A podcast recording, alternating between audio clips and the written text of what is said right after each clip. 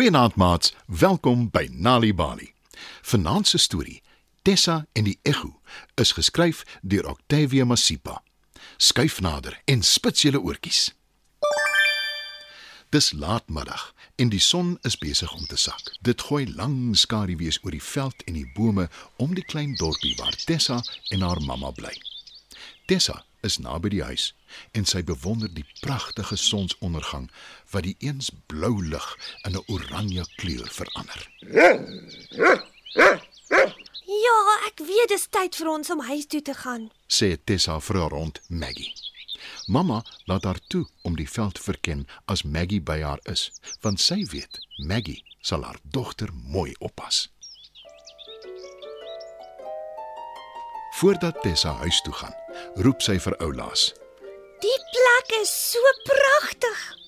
en tot haar verbasing hoor sy 'n stem wat terugroep. Die plek is so pragtig. Tessa kyk rond en sien die opening van 'n klein grot langs 'n groot rots. Sy wonder waar die stem vandaan kom. Dalk uit die grot. Om seker te maak, roep sy: Die bome is so groen en die sonsondergang is suiwer goud. Sy glimlag toe die stem terugroep. Die bome is so groen en die sonsondergang is suiwer goud. Tessa draf so vinnig as wat sy kan huis toe om vir mamma te vertel wat gebeur het. By die huis aangekom, sien sy haar mamma by haar naaldwerkmasjien besig om klere reg te maak. Mamma sal nooit raai wat gebeur het nie. Sê Tessa uit asem. Wat het gebeur, Tessa? Vra mamma.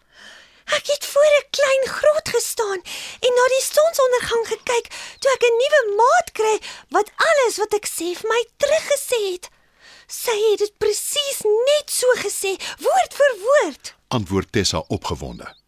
Mamma is nogal verbaas dat Tessa se nuwe maat presies dieselfde gesê het as sy. Maar sy kan sien hoe opgewonde haar dogter is. So al wat sy sê is: Hmm, dis interessant. Dis altyd lekker om nuwe maats te maak. Daar is net een probleem. My nuwe maat is onsigbaar. sê Tessa. Tessa kan sien mamma lyk effens verbaas. So sy verduidelik vinnig verder. Ek het my nie verbeel nie, mamma.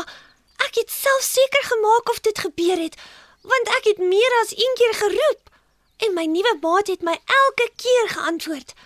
Ek kon haar net nie sien nie. Mamma glimlag en sê: Ek dink jy moet môre teruggaan na dieselfde plek toe en soek na jou nuwe maat.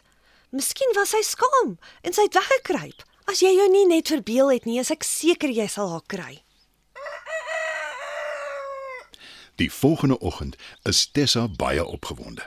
Sy kan nie wag om na haar nuwe maat te gaan soek nie. Sy is seker sy gaan haar vandag kry. Sy besluit om haar maat Lucy te vra om saam met haar te gaan, want dan het sy 'n ooggetuie. Lucy, daar is iemand wat in die veld hier naby bly. Sy is nie soos ons nie. Sy is anders en baie spesiaal. Want sy is onsigbaar. En wat ek ook al sê, herhaal sy woord vir woord. sê Tessa vir Lucy. Toe hou sy Lucy dop om te sien wat haar reaksie gaan wees. Lucy lyk verbaas, eintlik verstom. Dit klink baie opwindend. Ek wil beslis saam met jou gaan om te hoor wat jy hoor. Dis wonderlik om so 'n spesiale nuwe maat te kry. sê Lucy. En dis presies wat Tessa wou hoor. Sy het geweet Lucy sal haar glo. Die twee loop saam na die klein grot toe waar Tessa die vorige dag haar nuwe maat gehoor het. Toe hulle daar aankom, praat Tessa eerste, Kyk hoe pragtig is die helder oggendson. sê sy. En tot haar verligting antwoord die stem dadelik. Kyk hoe pragtig is die helder oggendson. Lucy is verstom, Sjoe, dit was ongelooflik. sê sy. En voordat sy haar oë kan knip, antwoord die stem. Sjoe, dit was ongelooflik. Die twee meisies guggel en die stem guggel ook.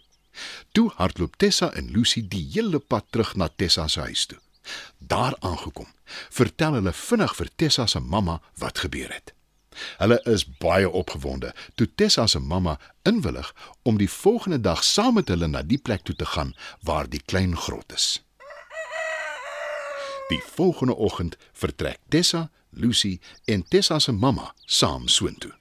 Mamma, ek is so opgewonde dat mamma vandag ons nuwe maat gaan ontmoet. sê Tessa. Haar mamma glimlag. Sy glo heimlik dat die nuwe maat net in Tessa se verbeelding bestaan. Toe hulle by plek aankom, sê Tessa se mamma. Hallo maat, kan jy my hoor? Tessa spring op en af van vreugde toe die stem antwoord. Hallo maat, kan jy my hoor? En dis toe dat Tessa se mamma weet wat aangaan. Tessa en Lucy.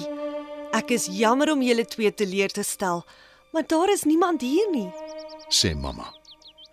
Toe sy sien hoe teleurgestel die twee meisies is, voeg sy vinnig by. Wat julle twee ontdek het, is wel iets baie spesiaal. Dis 'n ego. Ons weet wat 'n ego is. Lag Tessa en Lucy beamoed dit, Ons juffrou by die skool het dit vir ons verduidelik. sê Lucy. Ja, maar dis die eerste keer dat ek 'n regte ego hoor. sê Tessa. Toe hulle saam met Tessa se mamma terugloop huis toe, kyk Tessa na haar mamma en sê: Mamma, ek het nou wel nie 'n nuwe maat gemaak nie, maar ek het wel vir die eerste keer 'n regte ego gehoor en dit is baie spesiaal. Lucy is my heel beste maat, want sy het my geglo toe ek haar vertel het. Toe vat Tessa Lucy se hand en saam draf hulle die hele pad huis toe. Vanaand se Nalibali storie, Tessa en die Ego, is geskryf deur Octavia Masipa. Die storie is aangebied deur die Nalibali Leesvergenot veldtog in samewerking met Standard Bank en SABC Education. Pappa is besig om sy baadjie aan te trek.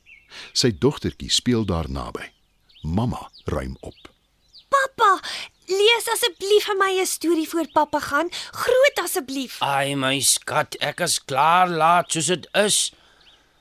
Nou goed, maar net een storie. Jippie! Ek wil die een hoor oor Tommy en die reus asseblief. Dankie, skat. Dit help baie as jy ook vir die kind lees. Om te leer lees begin tuis. Maak tyd om vir jou kinders stories te lees.